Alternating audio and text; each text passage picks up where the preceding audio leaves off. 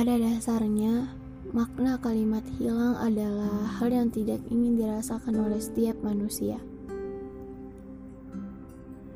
Kehilangan merupakan bagian fitrah dari manusia yang bisa membuat perubahan di dalam kehidupan.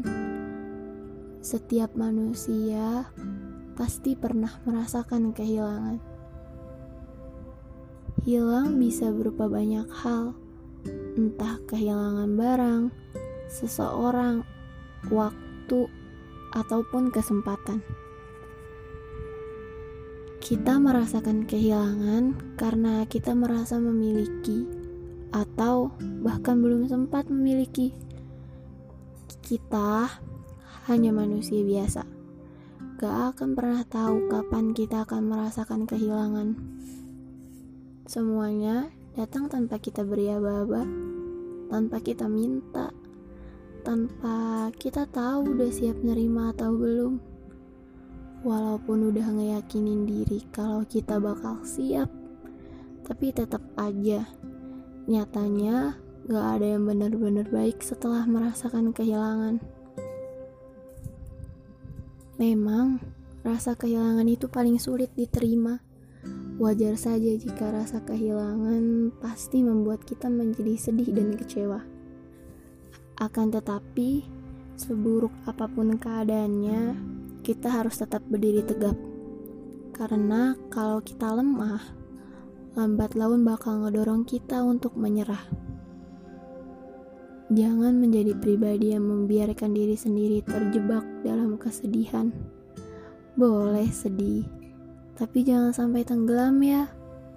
Karena kita juga manusia biasa, gak bisa kendaliin kenyataan sesuai dengan harapan yang kita mau.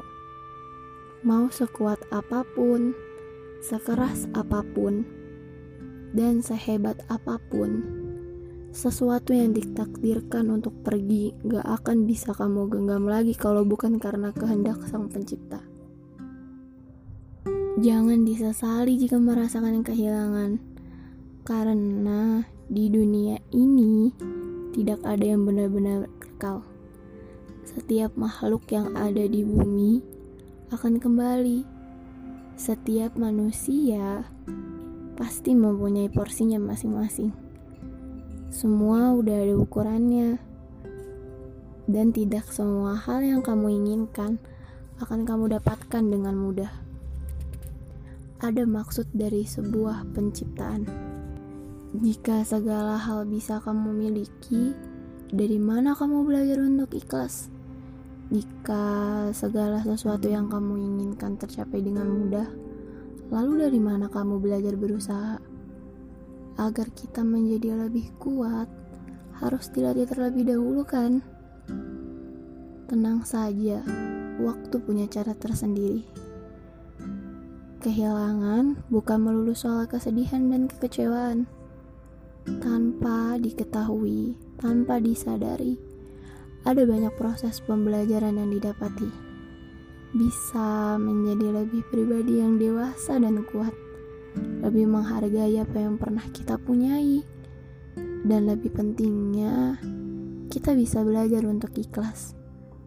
Nggak bisa dipungkirin sih, akan ada yang jauh lebih baik lagi, lebih besar, dan lebih indah nanti pada waktunya. Walaupun gak mudah untuk bisa sampai sana, makanya kita harus merasakan kehilangan terlebih dahulu. Jadikan rasa kehilangan itu sebagai petunjuk arah yang bisa menjadikan kamu untuk ke sana.